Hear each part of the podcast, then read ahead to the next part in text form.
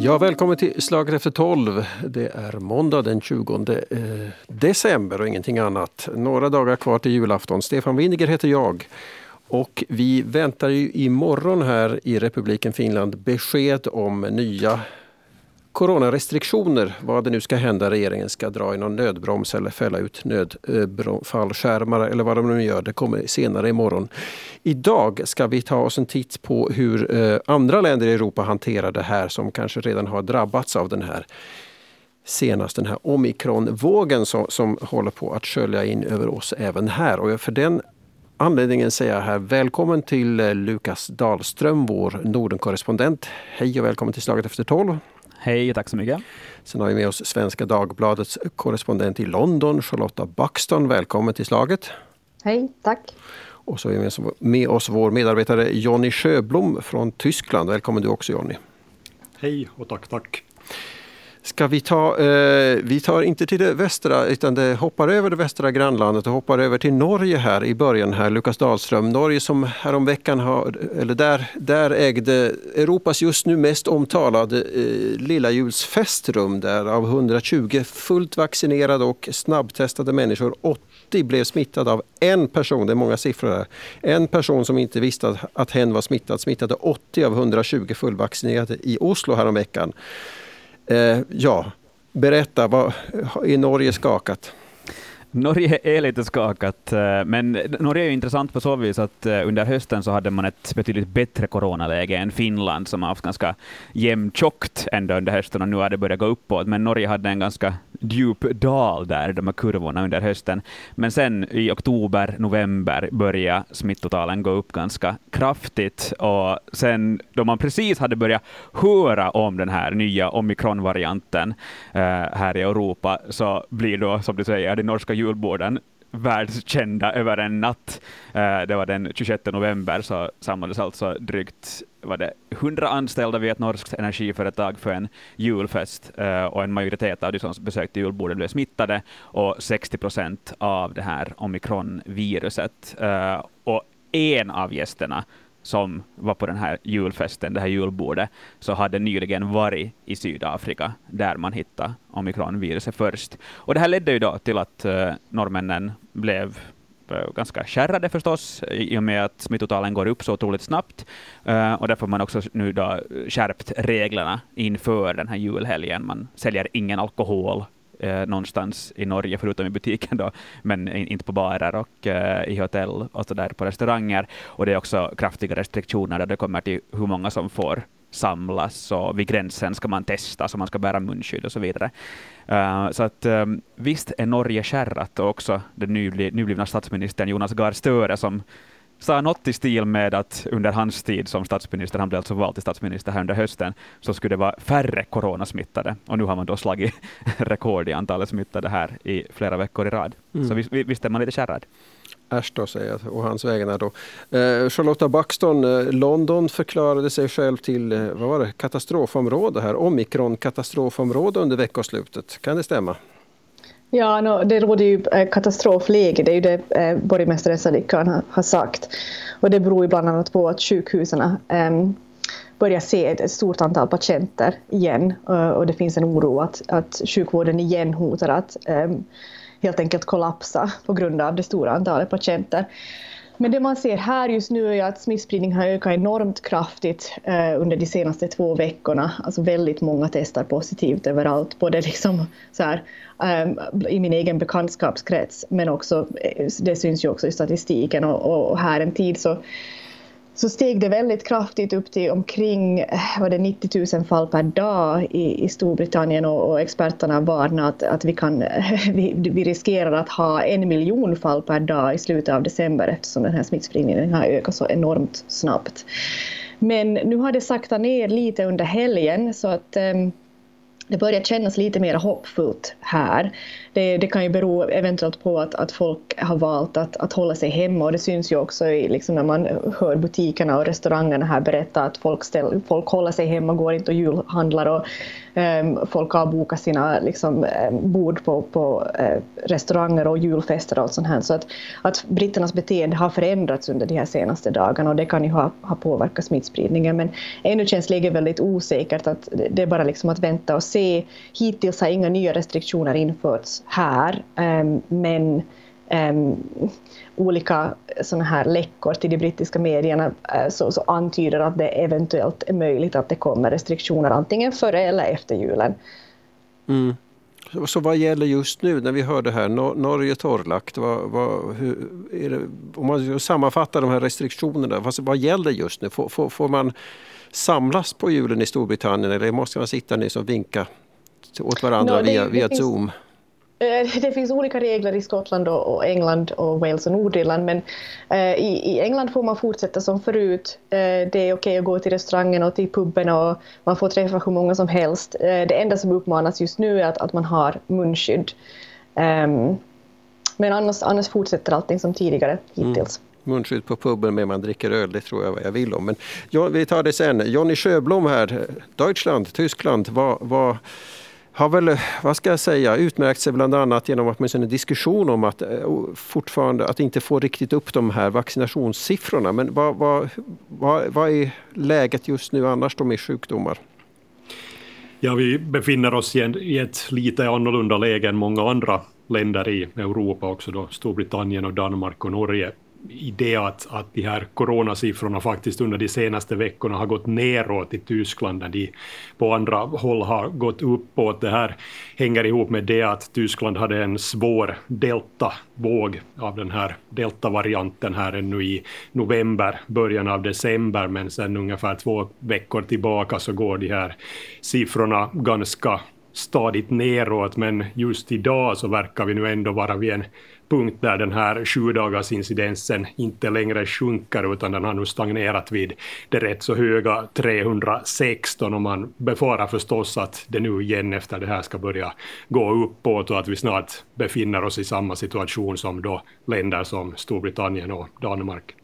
Mm. Och vad, vad, är alltså det här, är det, talar man vi funderar ju alla kring det här. Är det, och alla, nu ska vi gärna säga till alla som, också som lyssnar, vi hade ju alla hoppats att kunna säga nu är det över ungefär, men det kan vi inte riktigt ännu. Är det den här, alltså den här omikron-varianten då som ska vara, jag läste en siffra igår, 70 gånger smittsammare än, än de tidigare varianterna, alltså så väldigt smittsamma, behöver bara komma, behöver inte särskilt långtgående kontakt med ett sådant virus för att, för att man ska bli smittad helt enkelt. Är det, vad, vet, vad vet ni om det, så, så här, ta, hur, vad, i, i Tyskland, Johnny Sjöblom, är det liksom omikron som nu kommer in på spelplanen?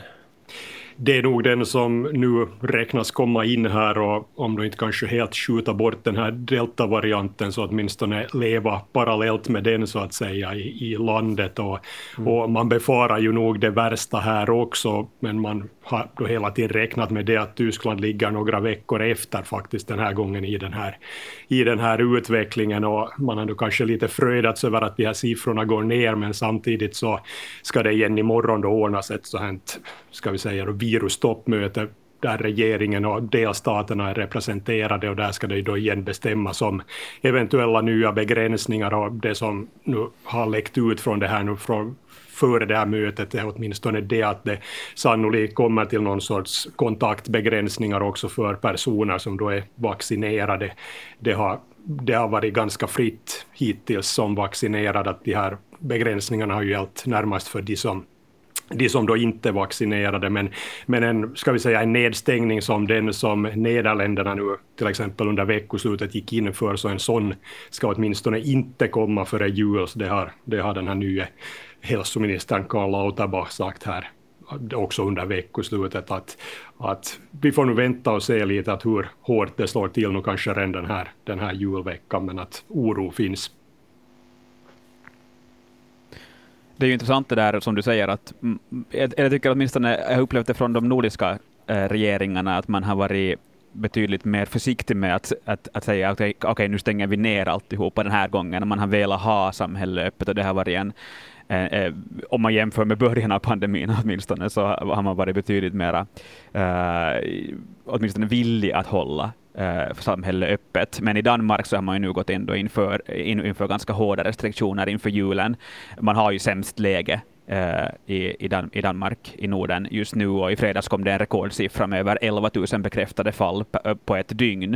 Uh, och därför så har man nu valt att utöka restriktionerna i landet och en rad olika kultur och verksamhetslokaler stängs. Och biografer, teatrar, museer och idrottsevenemang betalande, med betalande publik uh, uh, stänger ner också nu och man ska också bara, bara träffa sina närmaste under julen. Men i övrigt så har jag upplevt det åtminstone själv. Det är lite samma vibbar jag får från Storbritannien, att, att man vill hålla samhället öppet. Ja, nu här har det ju lett till en slags politisk kris. Um, det har ju, alltså, ni har ju säkert hört talas om alla de här festerna som hölls på Ted mm. Downing Street och andra ministerier under nedstängningen i fjol. Så det är lite svårt för Boris Johnson att, att nu införa regler äh, inför julen igen i år, eller, eller liksom restriktioner. Dessutom så är det väldigt många inom hans eget parti som, som är djupt äm, skeptiska och, och, inte alls gillar de här, de här reglerna. Så det, det har också lett till en slags, slags konflikt inom det konservativa partiet. Men där så är det ju intressant att Boris Johnson själv, som ofta framställs som en sån eh, libertarian, alltså en sån här politiker som är emot regler och inte alls vill säga hur folk ska, ska eh, bete sig, ändå själv eh, är ganska försiktig och, och, och, och har sagt att, att det är möjligt att det kommer restriktioner efter julen. Mm jag kan kanske för Tysklands del ännu säga det att, att det att man nu är försiktig med, med en sån här nedstängning så det hänger nog helt också ihop med det att man, man redan ska vi säga i början av året under sommaren så, så talade för det att, att om man är vaccinerad så ska man kunna leva så fritt som möjligt. Och man har ju här, har ju här det här, det som i Finland går under namnet coronapasset då i bruk, det har ju förstås ett helt helt annat namn och ett helt annat system här, men att, men att vi har redan nu så att, att stora delar av samhället så är helt nedstängt för personer som då inte är vaccinerade och, och vi lever i en sån verklighet kan man väl säga och, och det att man nog är försiktig med att gå in för en nedstängning och, och väntar så länge det kanske bara är möjligt då med det så det hänger förstås också ihop med det här politiska löftet om det att man ska få fortsätta leva rätt så, nor så normalt om man då har tagit de här vaccindoserna.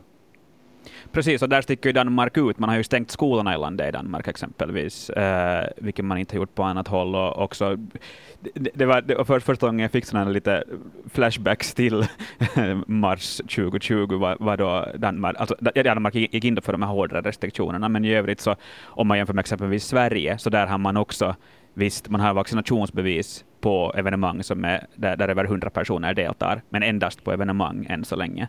Uh, och annars så gäller råd och rekommendationer om bra handhygien och avstånd. Och det är väl ungefär så många restriktioner man har i Sverige just nu. Men vaccinationsbevis är ju förstås också ett hårdare, en hårdare restriktion än på många andra håll där man har så kallade covidpass. Men i Sverige så måste man vara vaccinerad för att få delta i de här evenemangen. Mm. Här, alltså här, här, hemma har vi talat mycket om nu eh, under höst, ännu så länge, att, att just det här att intensivstationerna är väldigt mycket fyllda med dem, att det är framförallt ovaccinerade som fyllde dem. Är det, är det samma sak hos era länder också, att, att, att, att samma bild så att säga? Och samma, samma så att säga, underliggande moraliska kännpressen ungefär, att vi talar nu om det här bara så att ni vet. Är, är det den här liksom moraliserande också lite diskussionen? Absolut. Eh, I, Dan I Norge pratar man om att man inte har ett obligatoriskt vaccintvång, men man har ett moraliskt vaccintvång.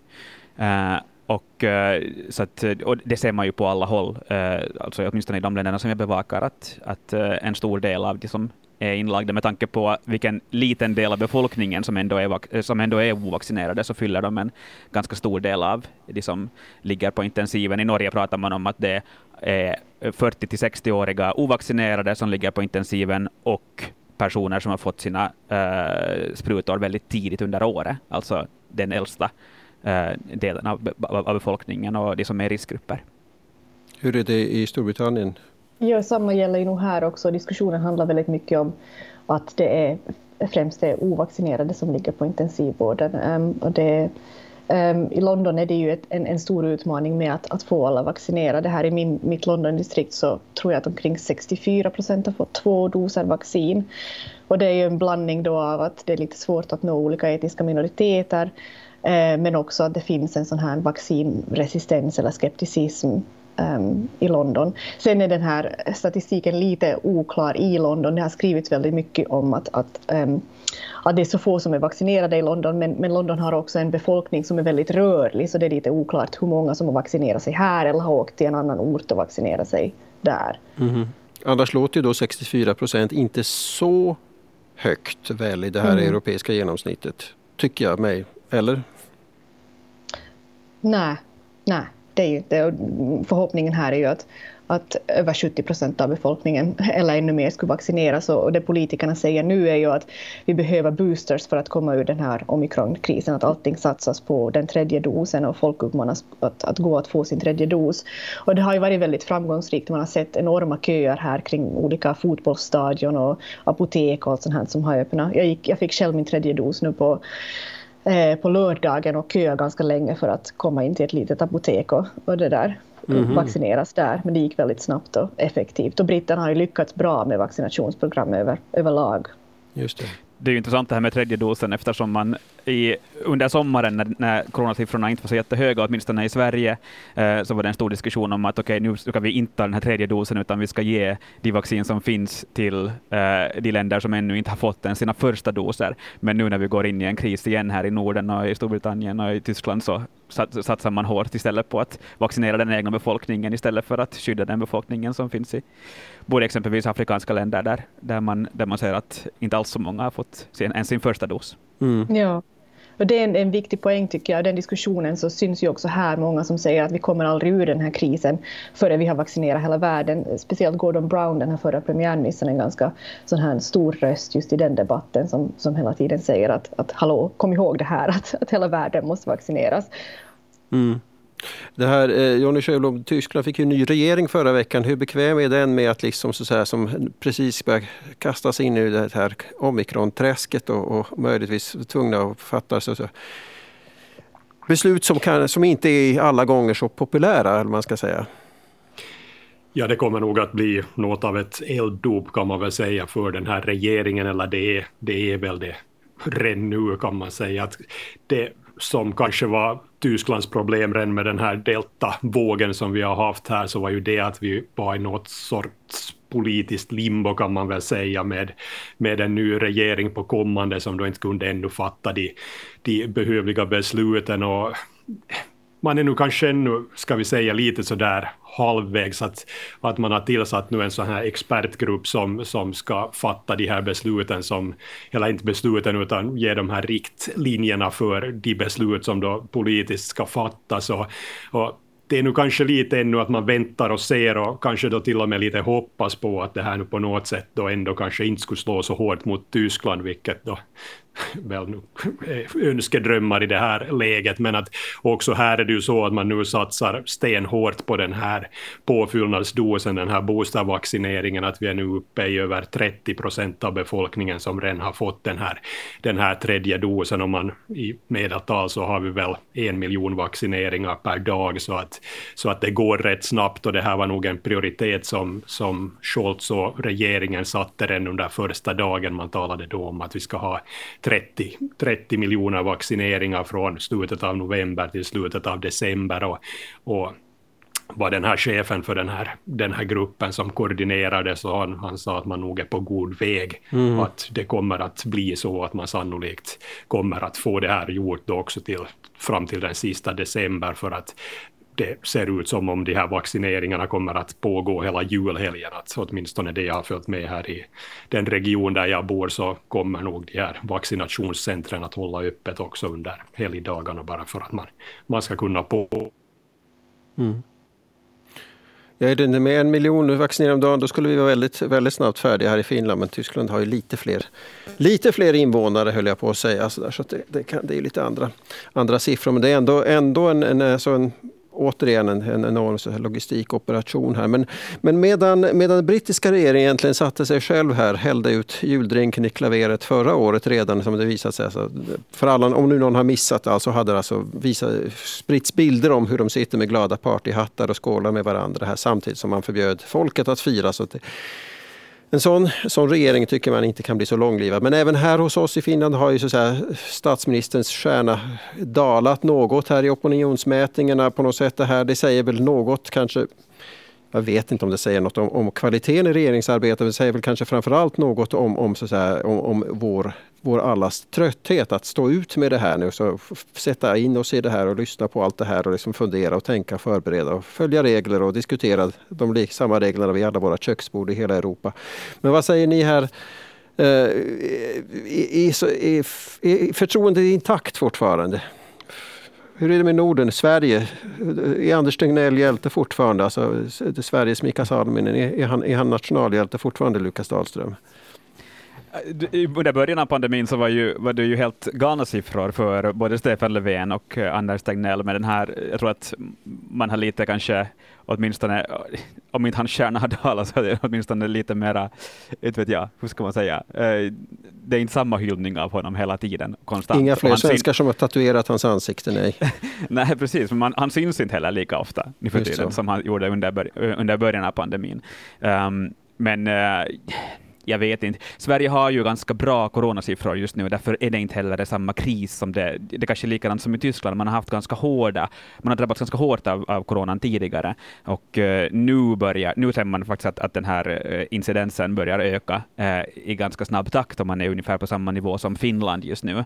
Så att det kanske blir mer kris och diskussion kring de här restriktionerna, men på de här presskonferenserna som man håller så är det inte Anders Tegnell som står och berättar för svenska folket vad man ska göra, utan det är Karin Widmark, eh, Tegmark Videll, Videll Wisell heter hon kanske, som är Folkhälsomyndighetens eh, direktör, nyblivna direktör. Jag kan inte de här nya namnen.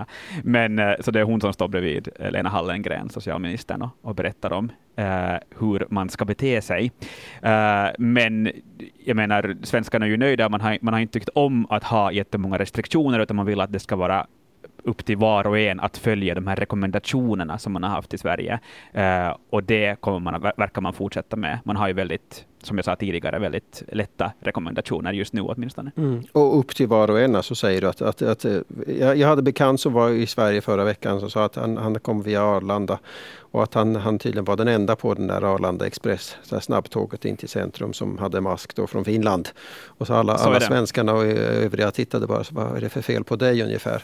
Men att, eh, men alltså det här, det och det, men svenskarna har ju varit väldigt liberala överhuvudtaget under hela den här pandemin med att just följa regler. Det kan sitta en munskyddsuppmaning på bussen och alla tittar på det men ingen har munskydd. Så där. Det har ju varit kännetecknande, intressant eftersom svenskar ju påstås vara ganska regellydiga i övrigt. Men hur ser det ut? Vad är, vad är det med, med tyskarna? Lyder de alla? Eller är det också upp till var och en? Alltså vi har ju nog den här munskyddsplikten, vi har ju haft den i nu ett och ett halvt mm. år redan, att det gäller ju om du går till butiken så är det munskydd. Är du på tåget, är du på bussen, överallt. Alltså, och det följs också? Det följs för att det är då sammankopplat med höga böter att om du då åker fast för det så, så betalar du också. Jag vet, jag, det varierar lite den här summan från delstat till delstat så jag kan inte säga men i Bayern till exempel så låg det låg den här bötessumman i något skede på 500 euro, så det är ganska, det är ganska dyrt om du då går, går utan. Så att på det sättet, så det följs nog för det mesta att det där att, att jag kan inte nu minnas till exempel att jag skulle varit på något tåg eller i en butik och sett att någon skulle varit utan munskydd under det senaste året eller ens det här året. Så att, så att det följs nog. Och, och det har på något sätt det kanske är hemskt att säga det, men det har på något sätt också kanske blivit en del av vardagen. Att det faktiskt är så. Och man ser ju förstås på den här diskussionen i Finland och också i Sverige då på ett annat sätt, att man då fortsättningsvis diskuterar det här, att ska det vara någon sorts rekommendation eller ska, mm. ska, ska någon gå ut och säga det, eller, eller ska man själv ta det här munskyddet på sig? Så man, man ser ju på det på ett helt annat sätt när man då har levt med det här i i ett och ett halvt år nu. Så att, så att det är ju också det att man, man tyvärr har blivit gått och blivit van med det också så att det är en del av det. Mm. Men i Storbritannien alltså Lotta, inte inget tvång? Nej, nej, här är det ju mera som i Sverige. Det, um, just nu, alltså för vad det, ungefär en månad sedan så, så uh, rekommenderade de att britterna har munskydd, eller engelsmännen bär munskydd igen på grund av uh, mm. att smittspridningen ökar. Men samhället har ju varit öppet sedan juli och uh, det är ganska ovanligt att man ser, eller en del väljer ju att fortfarande ha munskydd men det är allt från 50 procent till 70 procent som, som inte har munskydd i, i butiker och på kommunaltransport och sånt här. Mm. Men nu, nu så märker man ju att folk börjar bli väldigt mycket mer försiktiga trots att eh, det inte har kommit några nya regler egentligen utan det är ju britterna själva som väljer att, att, att helt enkelt vara lite, vara lite försiktigare på grund av den här höga smittspridningen. Men sen har det ju också blivit en slags politisk fråga här att eh, det de konservativa, konservativa parlamentariker alltså så bar väldigt länge ingen munskydd i parlamentet trots att det här parlamentshuset hade en väldigt hög smittspridning under en, en lång tid och att många som jobbar i Westminster smittades men trots det så vägrar konservativa parlamentariker att ha munskydd. Um, ehm, och, och tabloiden har skrivit om sådana här olika historier om att, att barn som har valt att ha munskydd i skolor för att skydda sårbara släktingar har fått kvarsittning och sånt här. Så det har liksom blivit en, en, en enorm debatt kring de här munskydden här i Storbritannien också. Mm. Man kan kanske säga om Tyskland här att här blev det aldrig riktigt en sån stor politisk debatt kring de här munskydden eftersom de infördes relativt snabbt, eller den här, det här tvånget infördes relativt snabbt under våren då 2020 redan och det har hängt kvar då efter det att, att det det, blev, aldrig, hann aldrig komma till en större diskussion kring det att ska vi använda det eller ska vi inte, utan det, det egentligen bara blev så att, att vi kom att det var först enskilda städer som började införa det här i, i lokaltrafiken och, och ska vi säga den här politiska diskussionen hann inte helt enkelt med för att man i det här i det allvarliga läge som vi också hade då i april 2020 så, så blev, kom den här diskussionen aldrig till, till stånd så att säga. Och, och därför så är det också kanske en, en, en så här det är också då kanske en bidragande faktor till det att, att det fortsättningsvis finns en acceptans för den här åtgärden. Och, och det som nu också väntas komma ut ur det här krismötet imorgon så är det att, att den här munskyddsplikten ska utvidgas så att det kommer att, att vara tvång att ha sådana här FFP2-masker över hela landet. Att nu är det bara vissa delstater som har det då. Till exempel, nu tar jag igen Bayern som exempel, så här om du går i butiken eller på tåget så ska du ha den här FFP2-masken, men det gäller inte i alla delstater då, men det här är då kanske tänkt att komma från det här mötet imorgon, att det då igen införs för hela landet just ett tvång med det här, med det munskydd som då ska ge bättre mm. skydd också för dig själv. Just det, så att även tyskarna väntar på att regeringen imorgon ska komma något, så som ju vi också gör här. Då. Alltså, och, och då om man nu ser på den här europeiska vad ska man nu dra till med, paletten eller eh, smörgåsbordet över möjliga coronaåtgärder på något sätt så är det alltså torrläggning, skolstängning, eh, starkare, tjockare munskyddsplikt och, och sen ska också politikerna lyda ungefär själva framförallt. Vi har ju haft våran eh, nattklubbsdrev med statsministern men sen visade sig också att andra regeringsledamöter här, manliga sådana också minsann var ute och festade här i Finland fast de borde ha undvikit, undvikit kontakt därför att utrikesministern var utsatt för smitta eller smittad. Eh, och, sen, eh, och eh, England har sin historia och sådär. Men, men eh, och det som nu ju står an under den här, nu, den här julafton på fredag här så är det, är det liksom, hur får folk träffas i Storbritannien, Tyskland och i Norden? Vad säger ni? Berätta. Här får ju folk träffas. Um, och det är ju, men det är många som har valt att göra väldigt lite under den här veckan före julen för att försöka hålla sig friska. Um, men det är ju... Förra julen var ju så enormt dyster i Storbritannien för då hade vi den här alfa-varianten som spreds väldigt snabbt här. Um, och det såg, det såg ganska... Mm. Läget var ganska allvarligt då. Och julen ställdes in. Uh, så att det är ju många ser fram emot att äntligen få en jul med familj och vänner i år. Mm.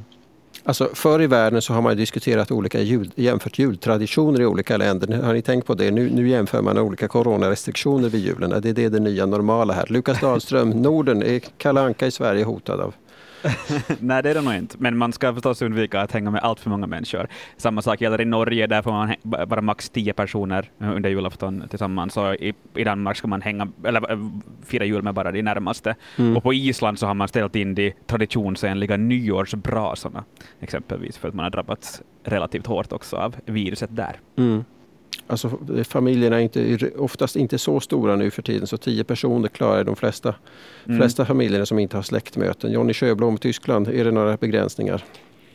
Ja, än så länge är det så att, att ovaccinerade så har vissa kontaktbegränsningar men vi övriga så vi väntar på det här mötet imorgon och, och får då höra vad det, vad det sannolikt sägs där för att som sagt de här kontaktbegränsningarna är på gång så att säkert kommer det någonting men att men att så strikt som det var under julen i fjol så tror jag nu knappast att det blir, blir den här gången. Det som nu i alla fall är helt säkert är att nyåret igen kommer att firas i lugn och ro kan man väl säga för att försäljningen av fyrverkeriprodukter och pjäser så är den förbjuden här i Tyskland så att det blir nog ett åtminstone nyåret blir lika tyst som, som i fjol säkert. Det har vi inte det... testat i Finland ännu, det här att förbjuda fyrverkerier för att komma åt corona, men det kanske, kanske kommer imorgon man kan förbjuda alkohol och sen fyrverkeri. Ja, men I Sverige så skulle jag bara säga också att man har infört ett sådant kramförbud eh, mot personer som är ovaccinerade, så att man får åtminstone inte kramas med folk som, är, som man inte vet att har tagit båda sprutorna. Jag hoppas att social och hälsoministeriet lyssnar nu här, för kommer det väldigt många intressanta tips här på åtgärder som vi inte har hört talas om i Finland ännu. Alltså kramförbud, fyrverkeriförbud. Alkohol har vi varit inne på lite grann. Men den som lever får se som vi alltid säger här i Slaget efter tolv när vi ännu inte vet vad som har hänt. Jag säger tack så mycket här till Charlotta Backstone, Jonny Sjöblom och Lukas Dahlström för att ni här upplyste oss om hur det går till ute i Europa denna jul med Corona ännu en jul. Tack så mycket för, för att ni var med. Mitt namn är Stefan Winniger. Tack för alla som lyssnade. Vi hörs igen. Hej då.